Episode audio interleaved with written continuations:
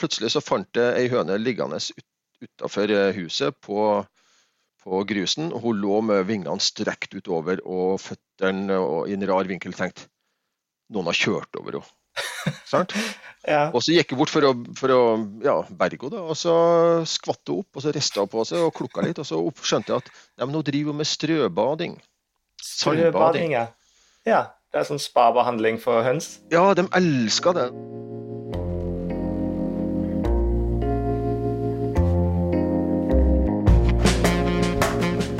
Høner er livsnytere som liker å snakke sammen og kan få gåsehud av forventning og glede.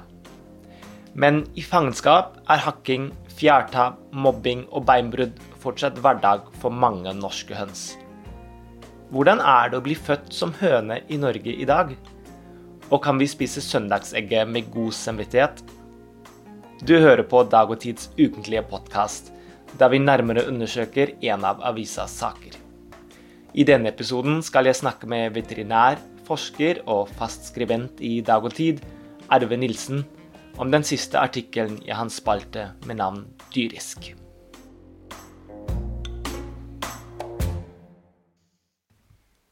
Arve, når skjønte du at du hadde lyst til å jobbe med dyr? Ja, det var ganske tidlig. Jeg vokste opp på en gård utenfor eh, en by som heter Brønnøysund i Nordland. og men jeg og broren min var veldig mye med i fjøset. Da. Eh, det var en arbeidsplass og et sted der familien eh, gikk i fellesskap. Og en gang da jeg var tre eller fire år, eh, noe sånt, så da hadde vi fremdeles et gammelt fjøs. Det var, det var noen kyr på bås, og det var et hønsehus og det var en gris inni et hjørne. Jeg forsvant, jeg ble borte. Og mora mi fant meg igjen sovende inne i hønsehuset med en brød, brødskalk i hver hånd. Det var kveld, kveldsmat som jeg da åpenbart har knabba ifra hønen. Jeg var, jeg vokst opp med dyr som omgangsvenner. Da, og, og jobb med dyr var en av de mest opplagte yrkesvalgene, egentlig. Det ser ikke ut som du angrer på det heller. Det virker jo som du er veldig engasjert i faget ditt. Um, og nå har du også begynt å skrive en fast spalte i Dag og Tid. En spalte som heter Dyrisk der du skriver om dyreliv og veterinærspørsmål. Hva var det som gjorde at du fikk lyst til å skrive en sånn spalte? Da jeg jobba med doktorgrad i fiskehelse for noen år siden. Og Da måtte jeg lese veldig mye, og jeg måtte skrive veldig mye. Men alt det som foregår da, det er jo veldig smalspora og det er ganske sånn kompliserte forskningsartikler. Utenfor det her akademiske gjerdet så var det så mange andre erfaringer og historier som jeg òg har lyst til å kikke på og fortelle om. Men jeg så ikke muligheten til å begynne å skrive ei bok, da. Det syns jeg var litt uh, brutalt. Men avisartikler, det kunne jeg klare, da. Og den er veldig populær. Vi får uh, mange gode tilbakemeldinger fra leserne våre om at uh, de setter pris på den. Ja, Det syns jeg, jeg, er veldig artig, for at, det, er jo, det er jo populært. Men det er, også, det er fremdeles ganske smale greier, da. Mm, du sier smale greier. Hvorfor tenker du vi allikevel skal vite mer om dyr, og hvordan dyr har det i Norge? Ja, det er jo Vi er jo dyr og dyreliv. Altså det, hva naturen virkelig betyr for oss, det begynner jo kanskje å gå opp for oss. Eh, og hva vi gjør med naturen, og hva slags ansvar vi har for, som, som såpass eh, intelligente skapninger som er, da, hva slags ansvar vi egentlig har, det, det, begynner kanskje å dømme litt for oss. Ja, så det er et ansvar rett og slett som vi som intelligente skapninger har, å lære oss mer om hvordan andre skapninger på jorda har det. Fortell hvordan du jobber med denne spalta. Jeg går litt ut av mitt fagfelt i denne spalta når jeg skriver om høns og katter og sånne ting. Selv om jeg har vokst opp med dyr og er dyrlege, så jeg føler jeg at jeg, at jeg har rett til å ut uttale meg om dyr og dyrevelferd, men det er jo ikke mine spesialfagfelt. Det er jo mange som kan mye mer om de her spesifikke temaene jeg kan. Så jeg må eh, gjøre grundigere research på forhånd, og ikke minst så snakker jeg med fagfolk som faktisk kan om det her. da. F.eks. den der høna eller egget, den artikkelen som jeg skrev nå før påske. Så har jeg lenge kjent til at forskere ved Veterinærhøgskolen i Oslo de driver med mye interessant forskning på atferd hos høns. Jeg har ikke sett meg så nøye inn i det, men i min egen erfaring som voksen egentlig at jeg hadde høns sjøl på gården min hjemme. Og da ble jeg veldig imponert da, og rørt av, over spesielt hønsen. Vi hadde hatt ganske mange dyr, men når de får gå ute og oppføre seg som normale fugler, så de var utrolig avansert, og de var smart. Ja, hvordan da? Hvordan så du det? De, eh, de hadde et veldig rikt eh, vokabular. De, de snakka med hverandre med lyder og kroppsspråk. Okay. Særlig høna og, og, og, og, kyllingene hadde et veldig avansert sosialt liv, syns jeg. Når jeg skal starte med sånt tema, da, så, så, sånn vitenskapelig sett, så, så, går jeg løs med søkemotorer. Og så, og så går jeg etter vitenskapelige studier. F.eks. nå da på verpehøns. Da tok jeg kontakt med en som jeg kjenner til, som er forskningsleder for velferd på Veterinærhøgskolen. En forsker som heter Andrew Youngshak. For å få litt innspill på om de temaene var relevant, og for å få han til å gjøre en sånn faglig korrekturlesing på artikkelen før den havna på trykk. For jeg har, når jeg skriver om ting som ikke er mine sånn spesialfelt, så har jeg alltid eh, plukka en, en, en, spesialist som kan eh, gå over og sjekke ut ting før det trykkes i avisa. Ja, Som man gjerne gjør med forskningsartikler? Ja, egentlig det blir som en sånn peer review-prosess i miniatyr. da. Eh, og hvis at det, de fagfolkene Ehm, finner ting som er upresist eller feil, så endrer jeg det. Var det et bevisst valg å skrive om egg i påskeutgaven? Ja, det ga seg litt sjøl, da. Men eh, det synes jeg var, ja. Eh, var, Det er litt sånn vrient å skrive om velferd for egg, da. Eh, så fokuset denne gangen måtte nesten bli høna, tenker jeg. Nå er det ikke alle som lytter til podkasten som også har lest artikkelen, så jeg tror vi må begynne med å svare på det spørsmålet som vi faktisk stiller her i overskriften. Hva var det som kom først, høna eller egget? Ja, Det kan virke som et uløselig paradoks. Du kan ikke få en kylling uten at du har et egg. Nettopp.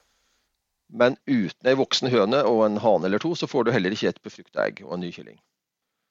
Men eh, svaret er like enkelt som det er åpenbart, egentlig. fordi egget, sånn som vi kjenner det, forekommer hos en rekke dyreslag. Skilpadde, krypdyr, krokodiller, fugler og egget dukka opp lenge før høna, for å si det sånn.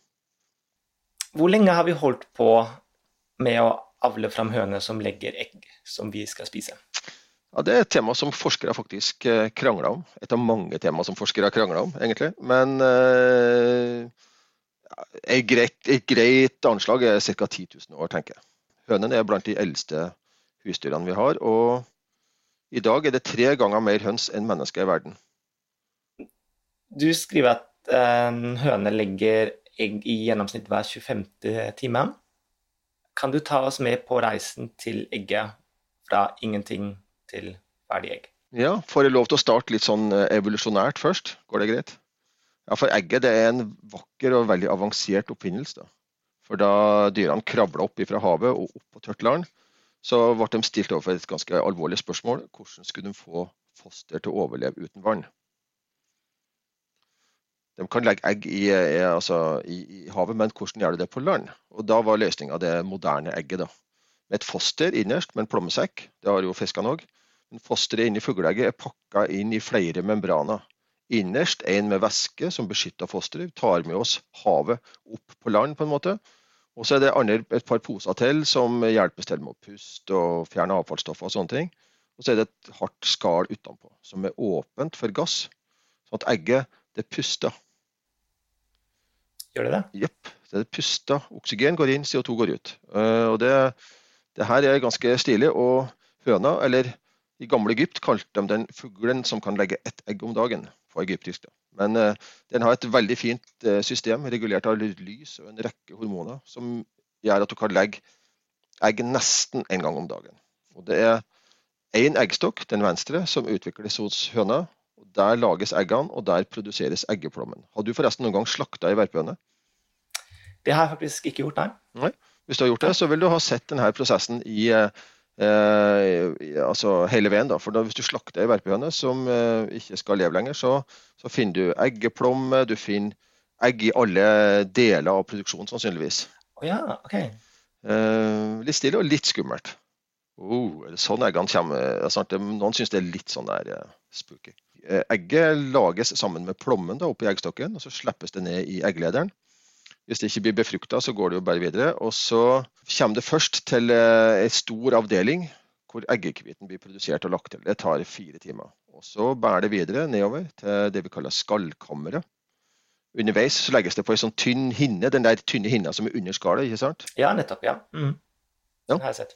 Eh, men i i skallkammeret, det som vi kan sammenligne med livmora, der dannes skallet. Og det tar lang tid. 19 timer. Sannsynligvis så er det fordi at det skal litt tid å hente ut all kalken da, som skal til.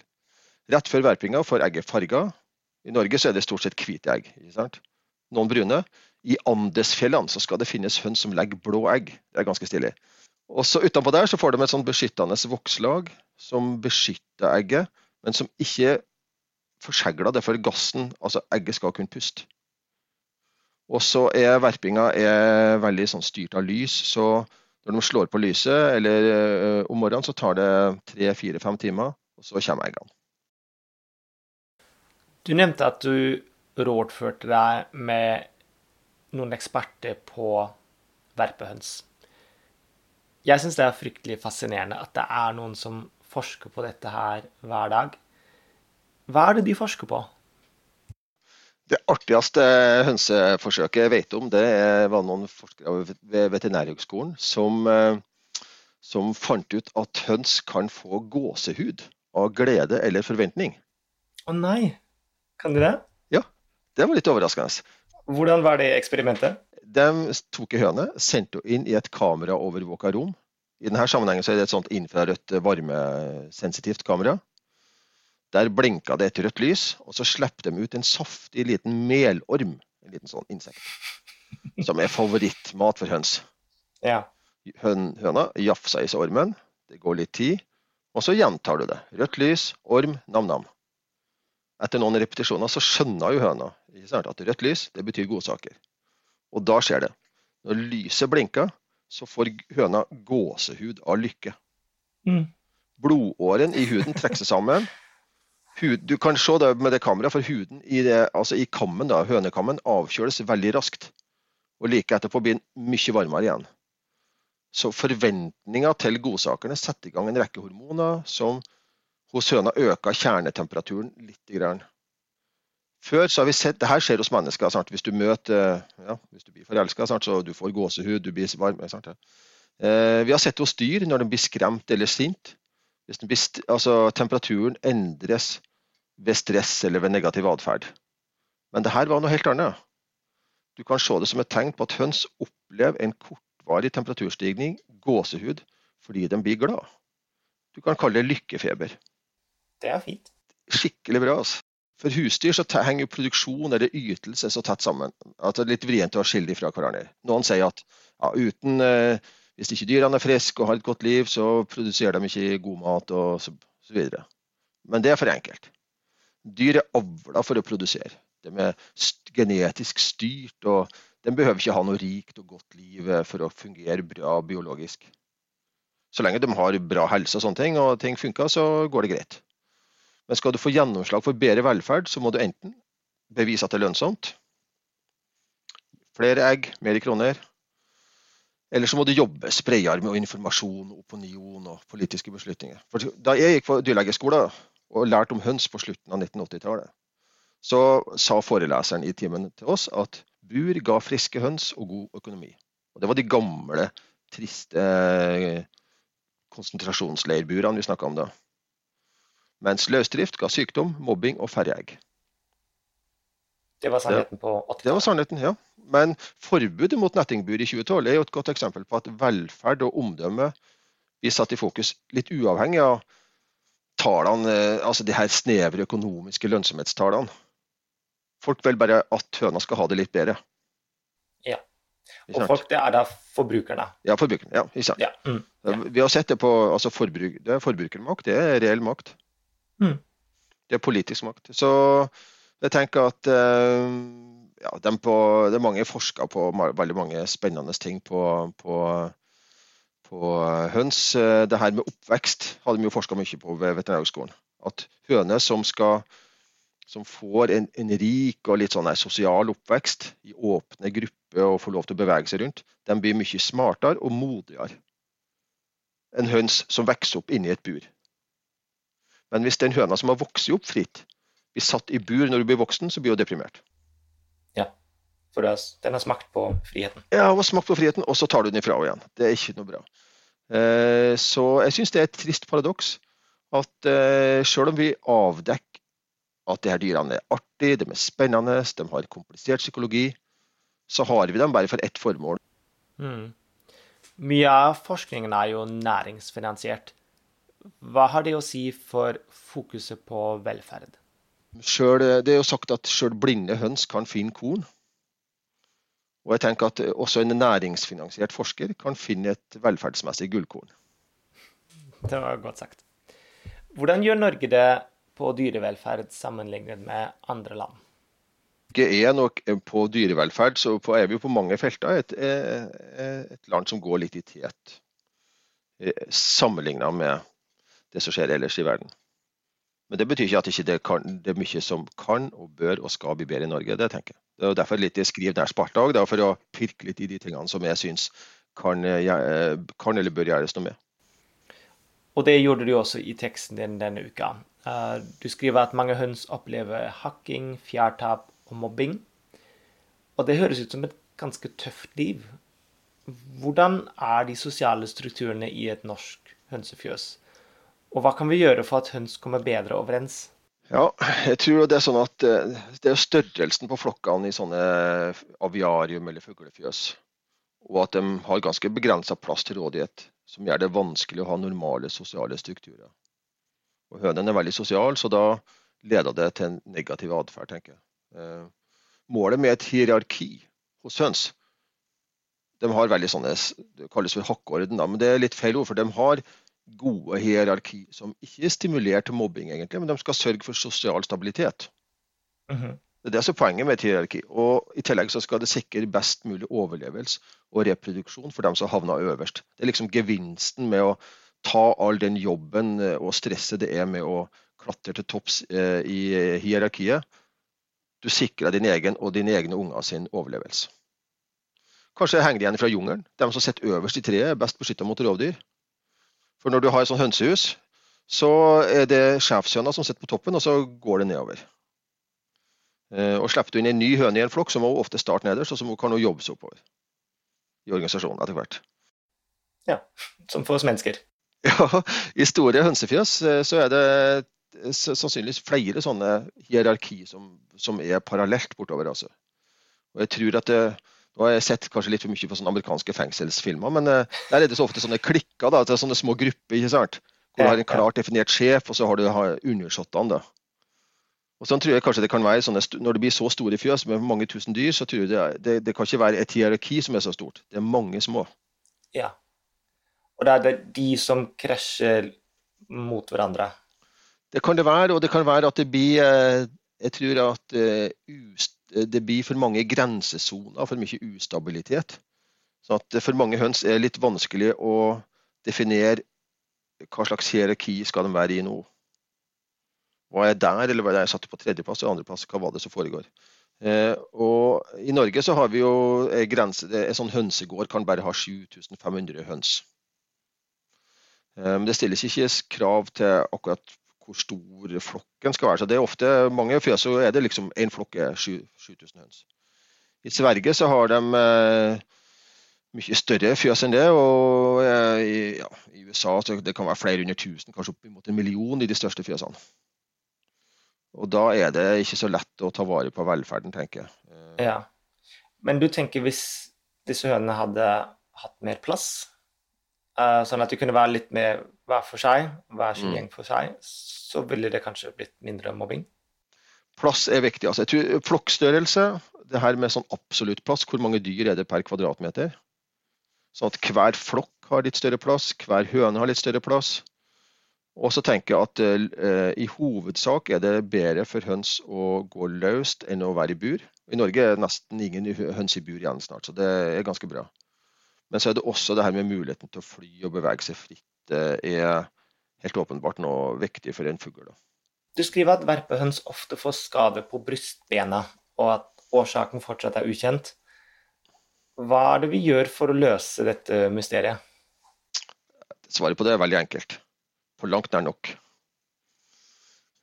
Men eh, vi har sett eh, at genetikk betyr en god del.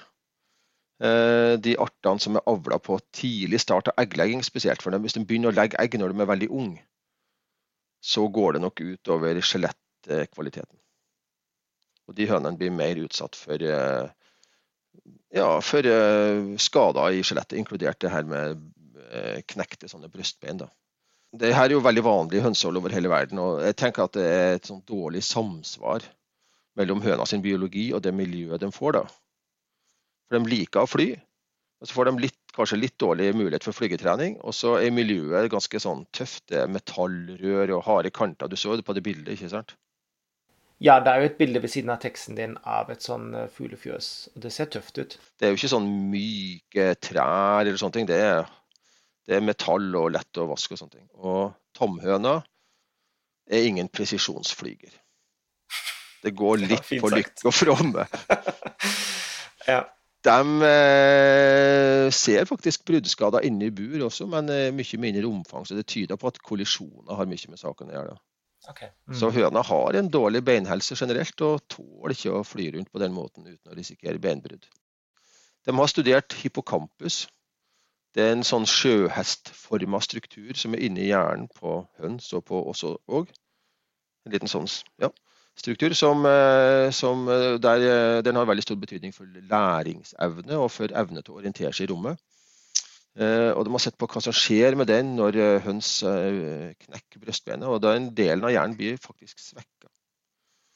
Og Det kan man se på som et tegn på at hønen rett og slett blir deprimert av situasjonen. Det kan skyldes at det er vondt, men òg at de får redusert bevegelighet mens skadene gror. så de må liksom sitte på det vaglet sitt og får ikke være med på det sosiale livet. Da. Jeg lurer på din personlige vurdering av, av dette her. Altså, hva tenker du om hvordan et norsk hønseliv er i dag? Ja, Det generelle inntrykket, hvis vi tar høyde for at vi i Norge har mye bedre forhold enn i mange andre land, så vil jeg si at fremdeles så syns jeg det er for industrielt. Det er for lite rikt på opplevelser for høna. De har en del trøbbel med luftkvalitet fordi det blir så innestengt. Jeg syns at eh, den måten å ha dyr på i litt for stor grad er prega av at vi ikke har nok respekt for høna sitt ønske om å ha tette og trygge sosiale relasjoner. Det her vi snakka om med problematferd i stad. Og jeg syns at det er et unødvendig press på høy produksjon for å kunne produsere egg til en ja, uforsvarlig lav pris, egentlig. da.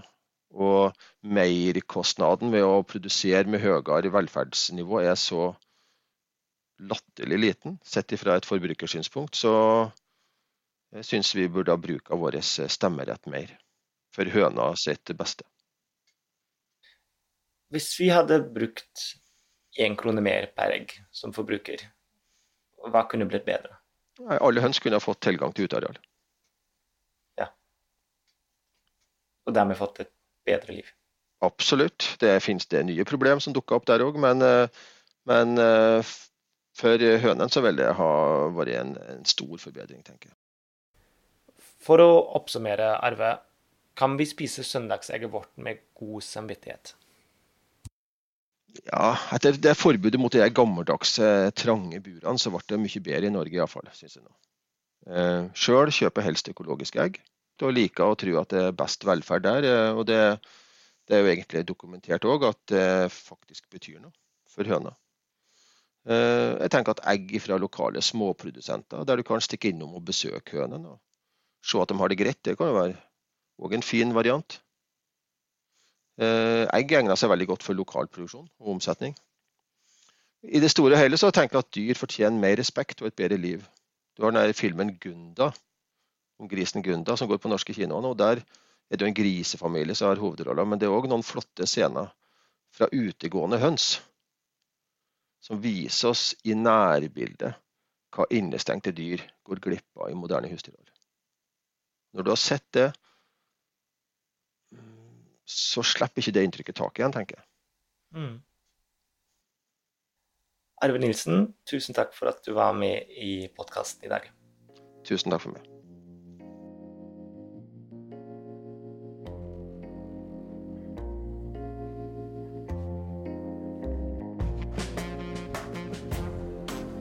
Du hørte på Dag og Tid-podkasten. I studio var jeg, Gregor Falkner. Når du skal male påskeegg nå, kommer du til å sende en ekstra tanke til hønen som liker å bade i strø, og som kan bli deprimert av å brekke pustebeinet? Kommer du til å kjøpe søndagseggene dine lokalt framover? Vi vil gjerne høre fra deg, også om du har tilbakemeldinger på podkasten vår. Skriv en e-post til gregor1dagotid.no. Vi er tilbake om to uker. Takk for at du lyttet, og god påske.